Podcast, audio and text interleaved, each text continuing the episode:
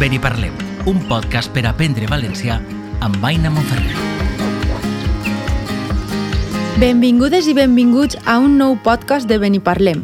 Avui parlarem d'alguns errors de vocabulari de nivells elementals, entre els quals hi ha barbarismes. Ho farem xerrant amb alumnes que estan començant a aprendre valencià, és a dir, alumnes d'A2 i de B1. Posem fil a l'agulla, vinga! Me sobren paraules, agulla, fil de cosir, tisores, estufa... Han vingut a visitar-nos a Venir Parlem, Amandine i Carolina. La primera convidada és Amandine, que estudia B1 de Valencià a l'Escola Ok. Oficial d'Idiomes i després tenim a Carolina, que estudia la 2 de Valencià, que s'està preparant per a l'examen de la Junta Qualificadora al centre Carles Salvador. Aleshores, Amandine, tu eres de Bèlgica Sí, exacte. i estàs contenta d'estar així? Clar que sí. És que m'agrada molt València. T'agrada molt València, la capital, el Cap i Casal o també les comarques? València capital, l'únic que, que he vist. I estàs a gust, estàs a Sí, gust. El calor... No, la calor. La calor, la, La calor, calor, la calor. la calor, El eh, calorete ho deia una, el solete. una. El solet èpic que tenim El a solet ser. èpic, sí. no? Carolina, tu eres argentina. De quina ciutat d'Argentina? Soc de Córdoba. I eres metge. Sí. Concretament, hematòloga. Sí, hematòloga. I com has acabat en un podcast com este? Estic estudiant valencià per el treball. per a poder atendre els pacients Sí, perquè els pacients parlen valencià i sento que ne necessiten que los entiendan millor. jo crec també que és important, no? Perquè quan anem al metge estem normalment preocupats, nerviosos i que et parlen en la teua llengua sempre ajuda, no? Sí.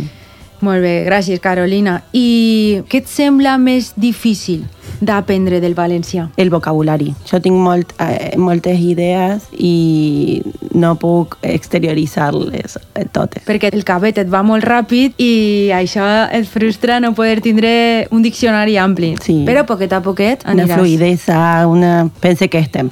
Recordem que eres alumna d'A2 i evidentment estàs en el punt on toca per anar millorant. I què és el més difícil, Amandine, per a tu, del valencià? què t'ha costat més? Els ac accents. L'accentuació? Sí, i no sé, escriure. Escriure. Eh, perquè sembla molt a la meva llengua i també al castellà, però no. El francès, clar, i a banda, en francès els accents, totes les paraules són agudes, no?, en francès. Sí, sí, sí, és molt rar.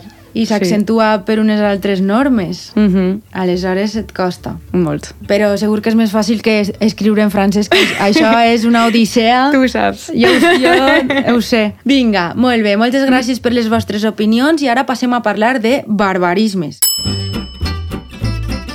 Començarem amb unes quantes paraules que solen confondre els aprenents de valencià de nivells bàsics, com ara la 2, bàsics intermedis, el B1, tot i que són errors que si no els treballem, després els arrosseguem en nivells avançats, aleshores s'han d'anar treballant des del principi. Sabeu què són els barbarismes i vos dono una pista que és que no són paraules amb barba? Amandín, què són els barbarismes?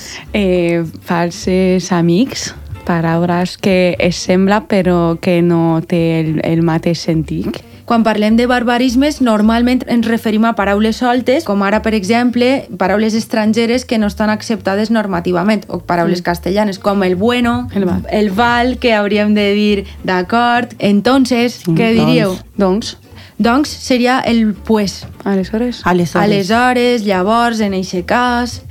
I després tenim, per exemple, paraules de l'anglès com snowboard, que podríem dir una taula, una taula de surfejar la neu, un email o email que utilitzem molt i que realment com hauríem de dir?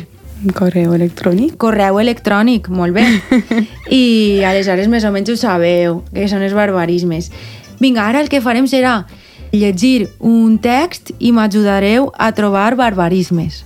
Entesos? N'hi ha uns nou barbarismes que primer llig el text sencer i després ja anirem parant en cada punt. Aleshores, vinga, és un text una mica misteriós.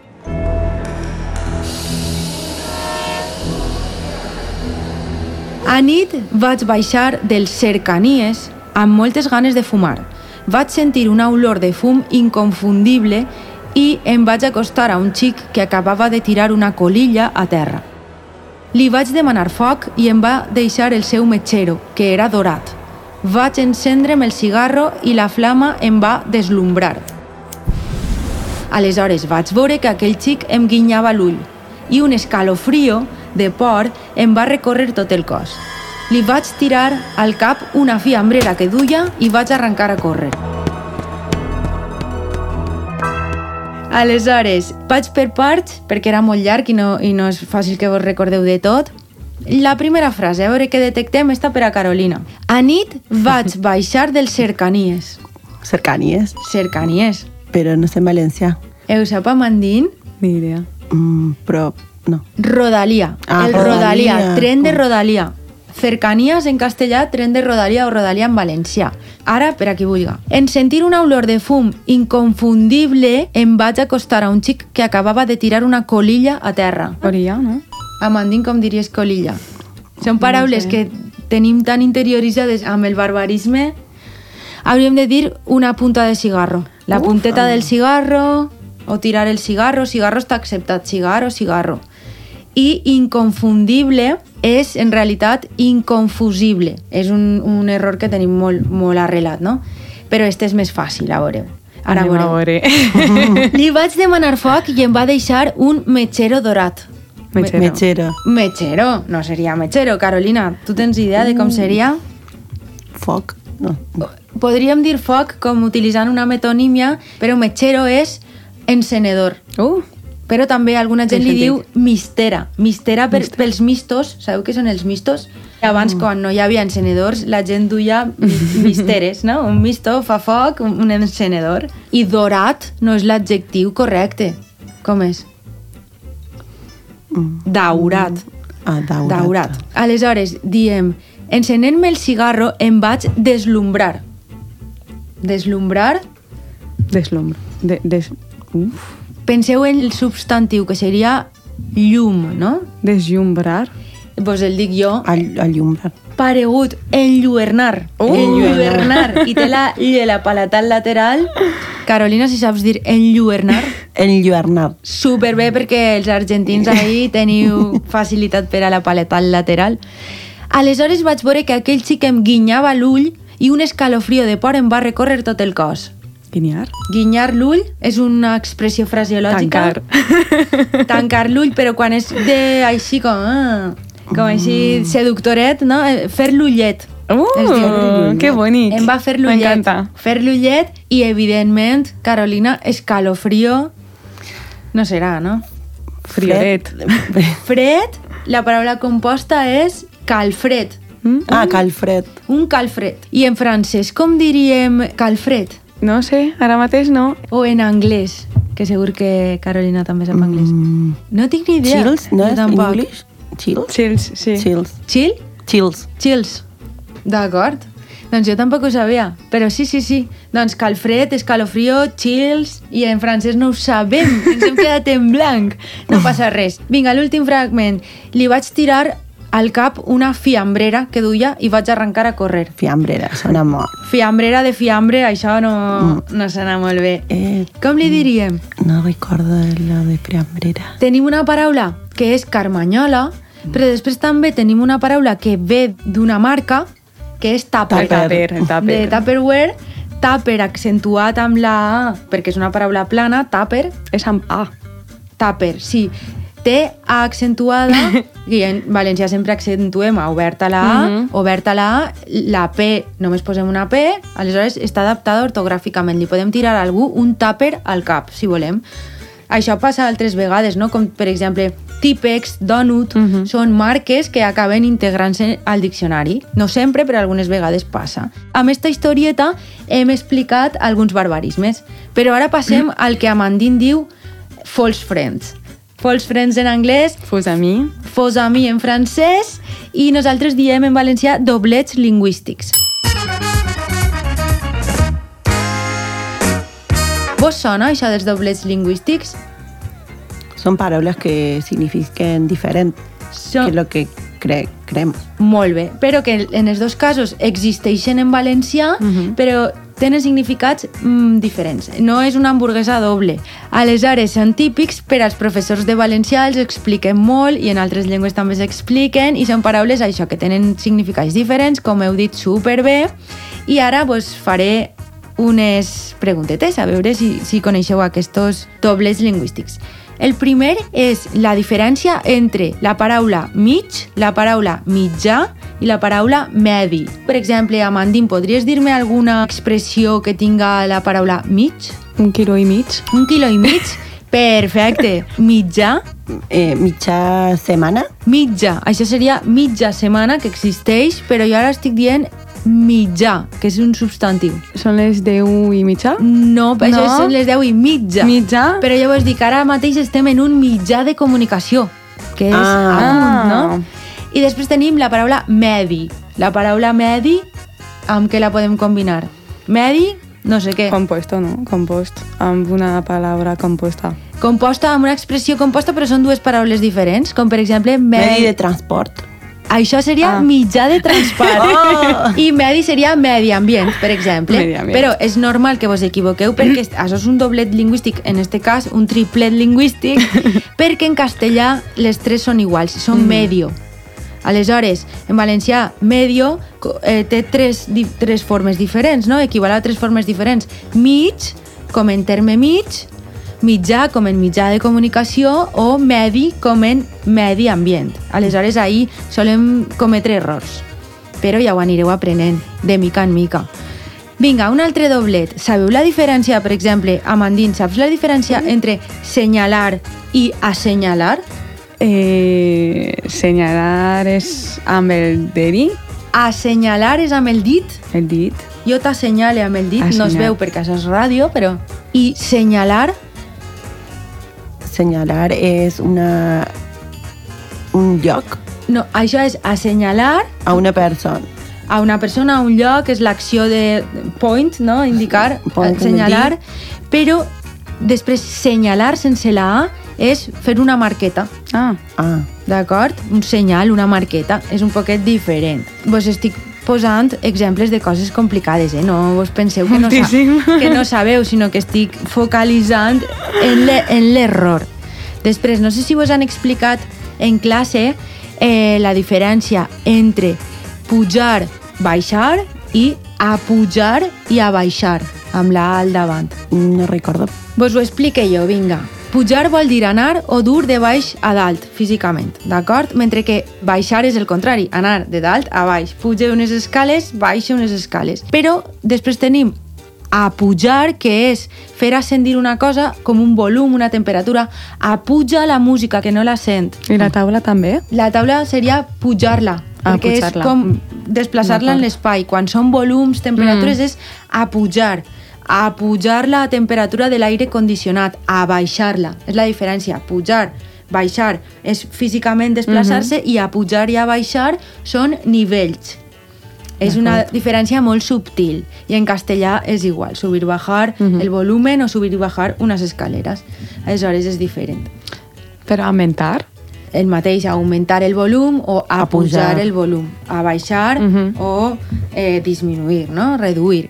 I després, penseu que és el mateix... Mira, si jo vos dic, m'he adormit pronte, però he dormit poques hores perquè he tingut un mal son.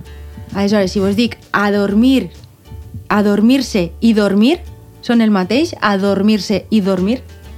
A dormir és l'acció de, de dormir, de, de, de irse a, de, a dormir, no? Correcte, és el moment en el qual t'has adormit. Jo m'he adormit a les 11 de la nit. I dormir és el, dormir és el fet, el fet d'estar Molt dormint. temps, molt de sí, temps, estic no? Dormint. Ara estic dormint, però m'he adormit fa dues hores o fa dues hores, no? Va, passem a jugar que m'estic fent un poquet pesada d'explicar perquè sóc molt mestreta i sempre em passa. Vinga. Ben i parlem, un podcast per aprendre valencià amb Aina Monferrer. El joc. Una altra vegada este joc se diu Preguntetes bàrbares, d'acord? De barbarismes i tot això que ja coneixeu. Així teniu uns instruments musicals. Amandín, tu tens un flaviol, que és un instrument valencià, que és l'equivalent a la dolçaina, i Carolina té el seu xiulet. Xiulet. Molt bé. Eh, voleu fer una prova, a veure com sona? Sí. Molt bé, sona preciós. Vos contractaré per al meu grup de música. Gràcies. Comencem, vinga. Primera pregunta. Quina de les dues opcions és correcta? Basura o fem? Carolina. Fem. Fem. Molt bé, esta vos la sabíeu, no? El fem. Tirar el fem, llançar el fem. Basura és en castellà. I ara, eh, quina de les dues opcions és correcta? Llamatiu o cridaner? Cridaner. Cridaner. Porque cridar es amar. Cridar és cridar si és que capta l'atenció, que et crida la mirada. I llamatiu utilitzem en col·loquial, en valencià col·loquial ho podeu sentir i aleshores ho has de saber identificar també, Carolina, per, per a la consulta quan algú ho diga, però en valencià estàndard és cridaner, que crida l'atenció. Molt bé. Tercera pregunta. Esta és un poquet més difícil, eh? Esteu preparades? Uh, no. Respireu fons, relaxeu-vos. Si ens referim a una cosa que existeix de veritat, què diem? Que és real o que és reial? Reial. Reial, sí? Yo diría real. És que és real. Ai, ai, ai, ai, ai, ai, ai, ai. Per què? Perquè real és que existeix, no?